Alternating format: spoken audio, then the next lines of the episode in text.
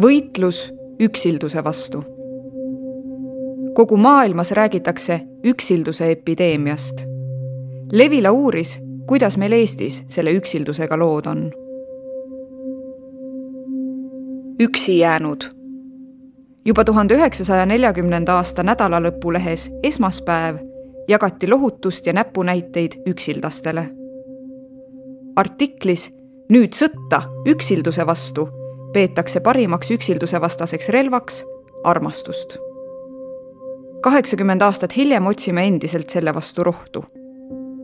on hilissügis, koroonanumbrid tõusevad, rahvast kutsutakse koos püsima, veerand tundigi päevas vahetut tähelepanu jagama.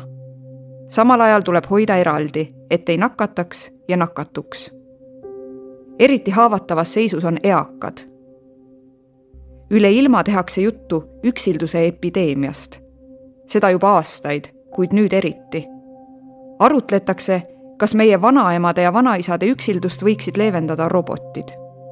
suhtlesin pärast esimest kevadist koroonalainet kuni hilissügiseni eakate, erinevate ekspertide ning üksildasi vanemaid ja erivajadustega inimesi aitavate ühendustega. olin seltsiks mitmele eakale, liikusin seltskondades ja uurisin nii nais- kui meespensionäridelt nende rõõmude, murede ja unistuste kohta. kogesin palju positiivset, kuid nägin oma silmaga ka tõelist üksildust.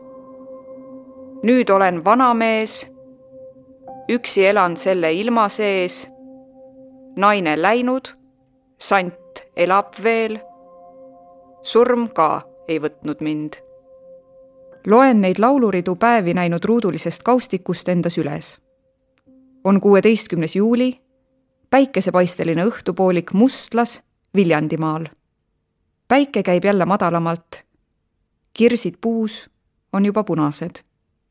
olen külla tulnud kuuekümne üheksa aastasele Siimule. kohtume esimest korda päev varem Valmas vabatahtlike seltsiliste kokkutulekul. Siim näeb välja vanem, kui ta on tema lonkav kõnnak, sügavad kortsud laubal ja kähe hääl reedavad, et elu ei ole teda hellitanud. tegelikult näeb ta oma läbielamisi arvestades väga hea välja. kolm insulti, kaks infarkti, vasak käsi ei tööta hästi, vasak jalg ka mitte. selg on haige, silme eest virvendab. mõnikord ta komistab ja kukub, ärgates alles tunde hiljem nüüdki on tal viimasest kukkumisest punane laik otsa ees. voodi juures olevate nööride abil tõmbab ta end üles, kuid mujal loodab heale õnnele. õnne on tal muidugi olnud, et ta ikka omal jalal liigub ja nii selgemõistuslik on. ega siis umbrohi kao, lõõbib ta endale omaselt. Siim on Karksi nuias sündinud ja elab siin vanas hallis kivimajas juba tuhande üheksasaja üheksakümne kuuendast aastast suur õu on rohtu kasvanud. maja ees seisab hõbedane invaroller. Siim juhatab mind läbi oma sigaretilõhnalise köögi elutuppa. ühel pool tuba on voodi ja pruunikirju tugitool. teisel pool arvuti ja telekas. arvutis ta eriti ei orienteeru. ta kasutab seda peamiselt enda lindistatud laulude kuulamiseks magamistoa ukseaugus ripub punane kortsus lina mis on piisavalt eemale lükatud, et selle vahelt paistab tühjade värskapudelite kuhi. kaevuvesi on juba peale paari ämbritäit sogane, mistõttu joogiks ei sobi. elutoa seinas laiuva pruuni kapi klaasuste tagant paistavad tolmused mänguasjad, mis meenutavad Siimule endist naist ja naise tütrepoega. Siim jäi üksi kahe tuhande kuueteistkümnenda aasta novembris, kui ta järjekordsest insuldist taastus. haiglast naastes leidis ta eest tühja kodu. ülaltoodud lauluread pani ta kirja poolteist kuud hiljem jõulude aegu, kui korraga suur igatsus ja kahetsus hinge pugesid. oli siis põhjuseks Siimu napsulembus või midagi muud, kuid tagasi ei ole naine vaadanud. veerandsada aastat kooselu jäi hetkega minevikku. ja ühes sellega kadusid Siimu elust naise tütar ja tütrepoeg napsulembust kahetsebki Siim vast kõige enam, kuid pärast naise lahkumist pole ta enda sõnul tilkagi võtnud.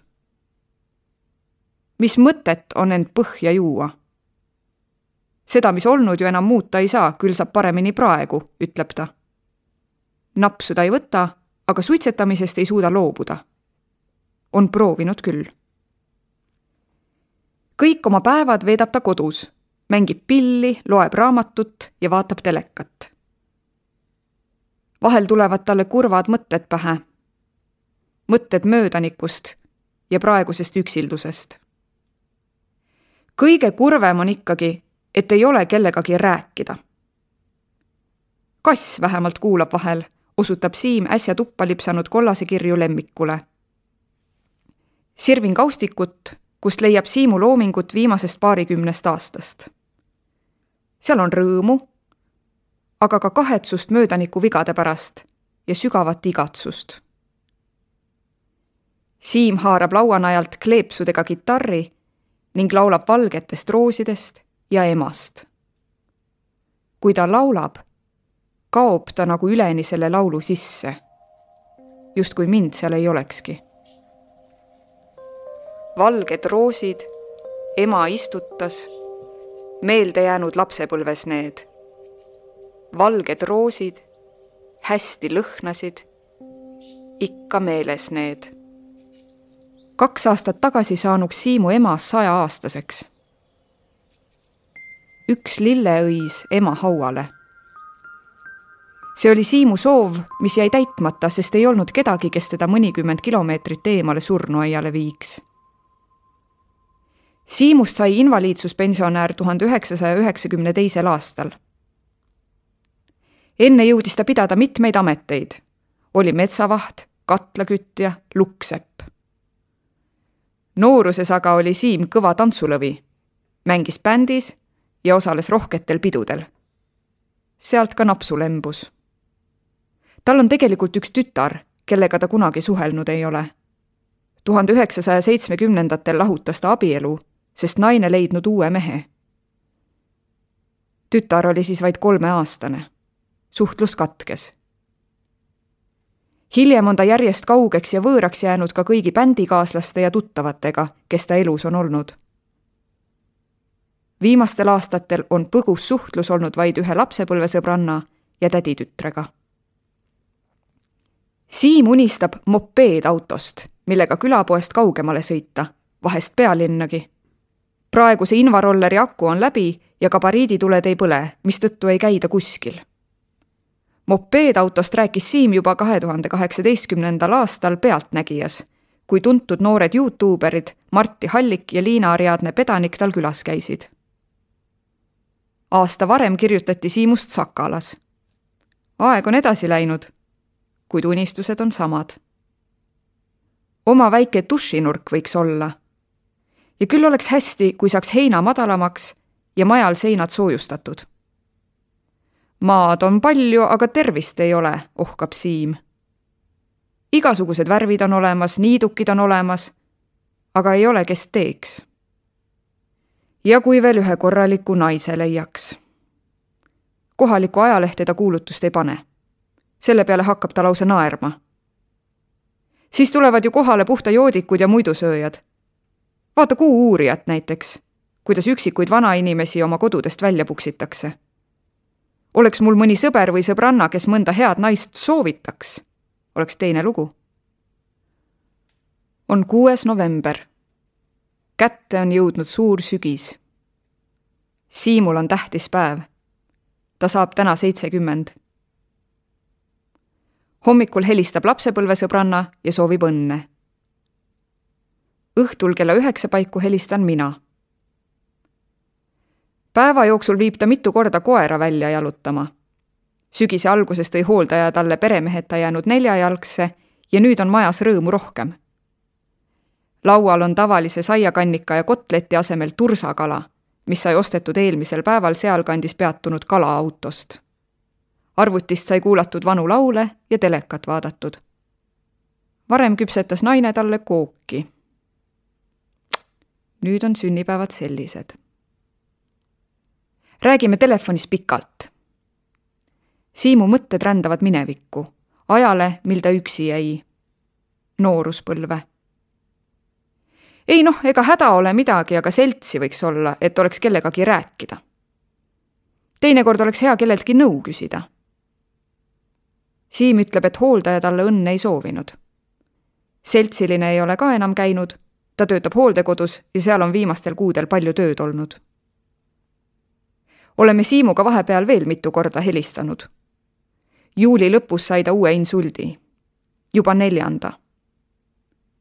kui jahmun ja see väljendub ka mu hääles, ütleb Siim, et ega sellest ei ole midagi.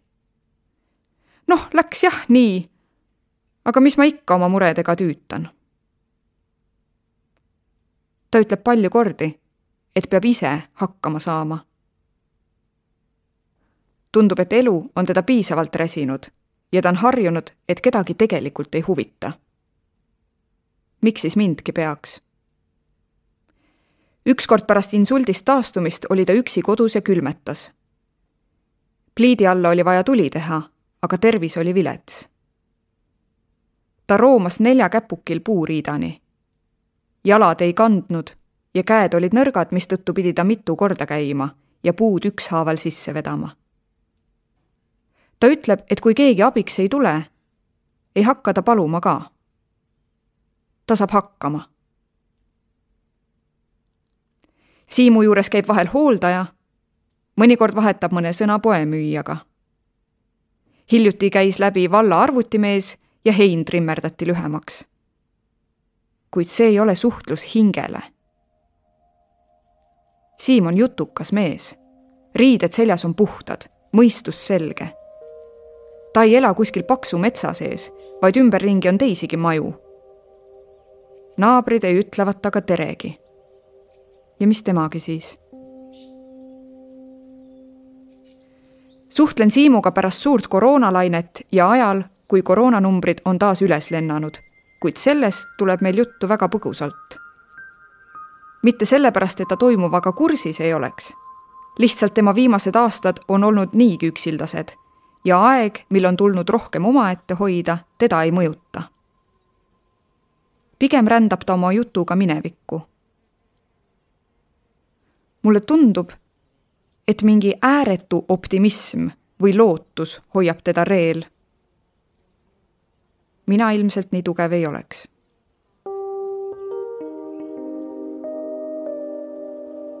idee eksperdilt üksilduse vastu võitlemiseks Riias on seitsekümmend eakat avanud telefoniliini, kuhu saavad teised vanainimesed helistada, et lihtsalt juttu ajada.